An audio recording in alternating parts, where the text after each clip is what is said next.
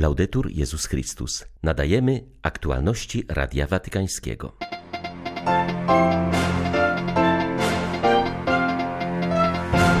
Przeżyłam dzięki wierze i modlitwie, wyznaje uwolniona z rąk dżihadystów siostra Gloria Narves.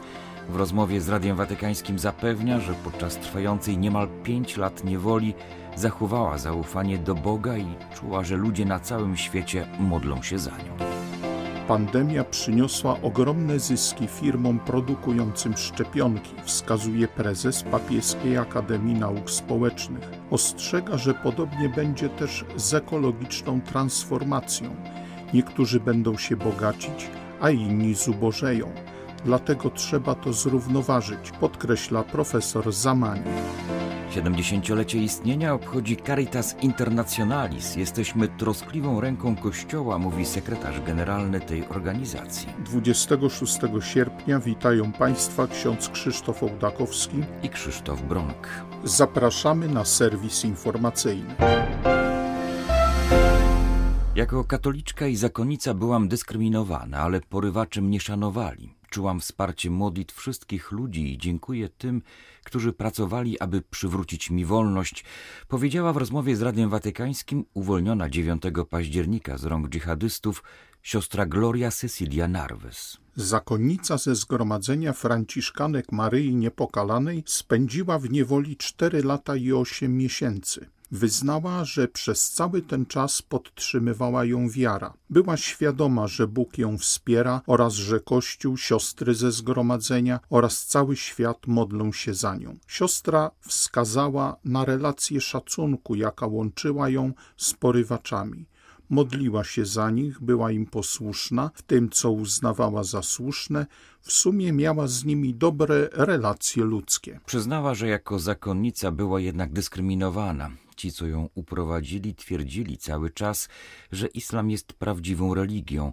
Siostra była gotowa oddać swoje życie. Wewnętrzną siłę płynącą z Bożej obecności dawało jej odmawianie psalmów, kiedy mogła przejść przez krótką chwilę niewielki odcinek pustyni i podziwiać wielkość stworzenia, słońce, które wschodziło o poranku, wielbłądy podążające przez góry piasku. W każdej chwili, jak mówi, czuła wielkie zaufanie do Boga. Przede wszystkim chcę podziękować z całego serca Bogu. Zawsze powtarzałam, nie ma Boga tak wielkiego jak nasz Bóg, robi to, co zamierzył na niebie i na ziemi. Mówiłam często, Pan jest moim światłem i moim zbawieniem. Jestem wdzięczna Panu, który darował mi wolność. Dzięki modlitwie możemy osiągnąć wszystko, czego pragniemy. Nasze franciszkańskie zgromadzenie odpowiedziało na bardzo wielką potrzebę w Karangasso w Mali. Prowadziłyśmy ośrodek zdrowia dla mieszkańców licznych wiosek, ponadto sierociniec, w którym przebywało kilkadziesiąt dzieci pozostawionych przez matki zmarłe przy porodzie. Ponadto zajmowałyśmy się alfabetyzacją, uczyłyśmy haftowania i szycia. Byłyśmy również zaangażowane w mikrokredyty dla małych firm obecnych na rynku, zwłaszcza dla kobiet, aby mogły one wesprzeć je w utrzymaniu swoich rodzin.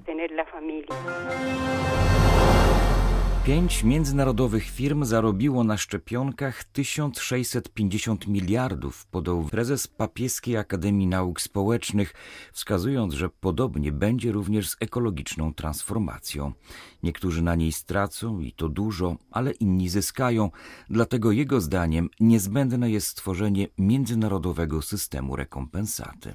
Profesor Stefano Zamani mówił o tym podsumowując tydzień społeczny katolików we Włoszech. Podkreślił, że trzeba obalić mity dotyczące zielonej transformacji. Sądzi się bowiem, że wszyscy na niej zyskają. Prezes Papieskiej Akademii wskazywał już na ten problem w rozmowie z Radiem Watykańskim po międzyreligijnym szczycie przed COP26, który odbył się w Watykanie na początku października. Do tej pory wiele uwagi poświęcano ukazywaniu degradacji środowiska we wszystkich jego przejawach i było to konieczne, ale teraz musimy pójść dalej, ponieważ zielona transformacja, dekarbonizacja, obniżanie temperatury stwarzają problemy. Nieuniknione jest to, że podczas tych przemian niektóre grupy społeczne stracą i to dużo, a inne zyskają. Wtedy ci, którzy na tym stracą, jeśli nie otrzymają jakiejś rekompensaty, stworzą koalicje na szczeblu politycznym, które zablokują proces transformacji. I to bardzo trudno jest dzisiaj wytłumaczyć. Bo nie wystarczy powiedzieć, że trzeba zrobić porządek w środowisku. Wszyscy są w tym zgodni. Ale trzeba sobie jasno powiedzieć, że niektóre sektory gospodarki i niektóre grupy społeczne na tym zarobią, a inne stracą. I powiedzą, dlaczego ci, którzy zyskali, nie przekażą części zysków tym, którzy stracili. Przedstawiłem więc propozycję utworzenia Międzynarodowego Funduszu, którego zadaniem byłoby przyjmowanie składek od tych, którzy wzbogacą się na zielonej transformacji, a następnie przekazywanie ich tym, którzy w jakiś sposób znajdą się w niekorzystnej sytuacji. Jeśli zabraknie odwagi, aby się tym zająć, to z transformacji ekologicznych nic nie wyjdzie, ponieważ już dziś kraje takie jak Chiny, Australia, Indie i RPA mówią, że bez konkretnej rekompensaty nie będą czuły się zobowiązane do walki z degradacją środowiska. Przed zbliżającym się szczytem klimatycznym COP26 w Glasgow temat degradacji środowiska i konieczności podjęcia niezbędnych kroków podejmowany jest także w Kościele. O oczekiwaniach związanych ze szczytem powiedział w wywiadzie dla papieskiej rozgłośni John Arnold, biskup diecezji Salford w Anglii. Hierarcha zapewnił, że również na poziomie diecezji podejmowane są działania związane z papieską encykliką Laudato Laudato Si.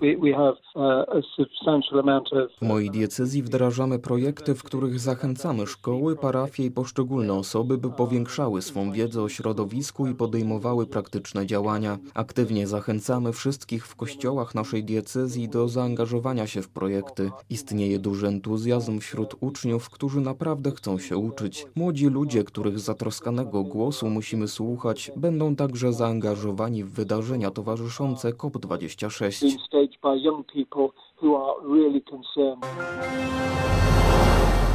12 grudnia Caritas Internationalis będzie obchodzić 70-lecie istnienia. Powstanie organizacji stanowiło odpowiedź Kościoła na potrzeby humanitarne, które pojawiły się pod koniec II wojny światowej, aby pomóc najbardziej cierpiącym ofiarom konfliktu. Sekretarz generalny Caritas Internationalis powiedział Radiu Watykańskiemu o znaczeniu tej rocznicy i najpilniejszych wyzwaniach stojących przed Caritas w dobie pandemii. Aloysius John stwierdził, że Caritas Internationalis narodziła się jako troskliwa i kochająca ręka Kościoła, aby służyć i promować osobę ludzką, a w szczególności ubogich zepchniętych na margines i najbardziej bezbronnych w społeczeństwie. Spotkanie z ubogimi zawsze znajdowało się w centrum naszej misji i będzie także ważnym wymiarem obchodów naszej rocznicy. Pragniemy przy tym, aby coraz więcej osób wchodziło we wspólnoty z ubogimi, wnosząc w ten sposób wkład w budowanie bardziej sprawiedliwego społeczeństwa, którego teraz po pandemii COVID-19 bardzo potrzebujemy. Chcielibyśmy, aby ta rocznica nie była jedynie okazją do wspominania historii Caritas Internationalis, ale łączyła się ze świadectwem oraz wiązała się z konkretną solidarnością. Zalegalizowanie we Włoszech eutanazji byłoby końcem naszej cywilizacji, wskazuje na to znana francuska onkolog, która przez lata była propagatorką prawa do śmierci. Sylvie Menard zmieniła zupełnie zdanie po tym, jak sama zachorowała na ciężki nowotwór.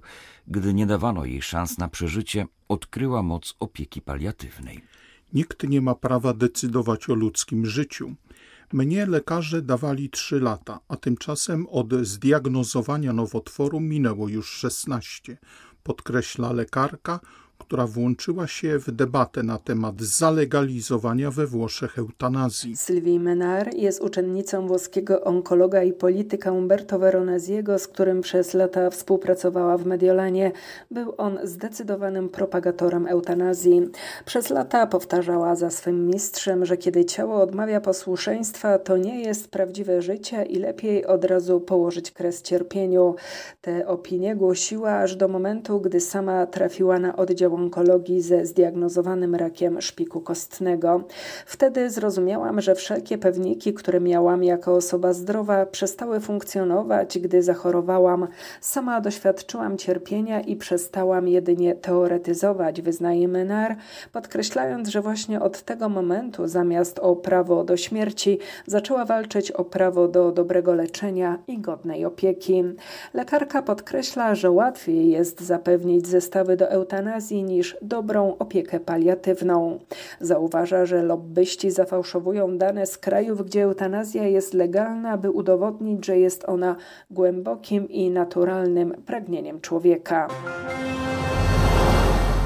Skandal wykorzystywania seksualnego w kościele musi być jednym z głównych tematów rozpoczętego właśnie procesu synodalnego, uważa ksiądz Fortunato Dinotto, założyciel Stowarzyszenia Meter, które jako jedne z pierwszych podjęło systematyczną walkę z wykorzystywaniem nieletnich, a w szczególności z pedopornografią.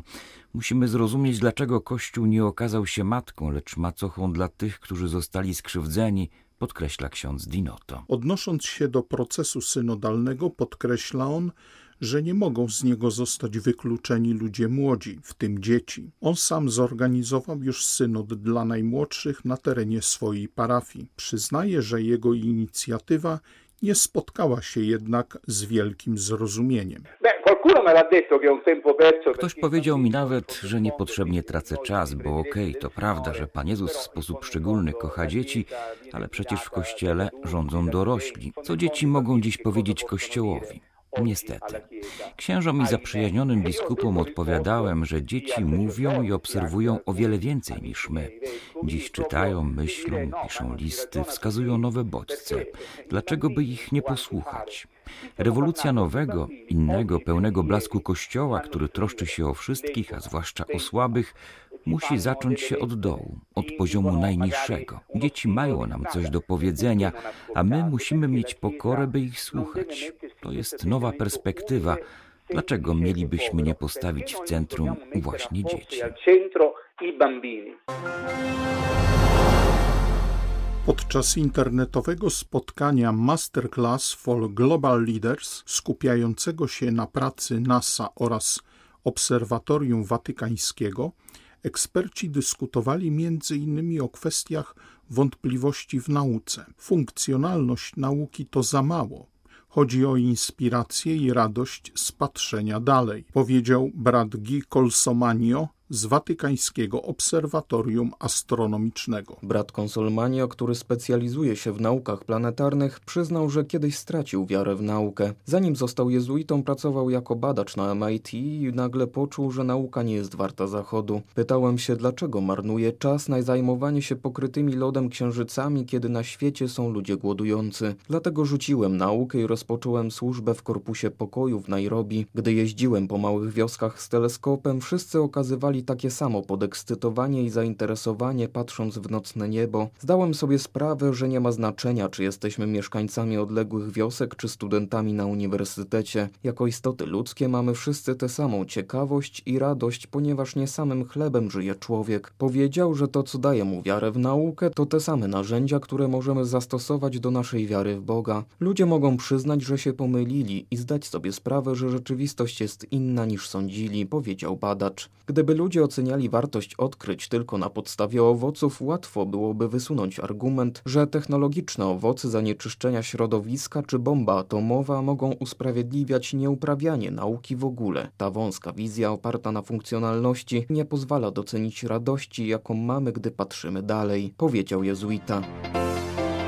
Były to aktualności Radia Watykańskiego. Laudetur Jezus Chrystus.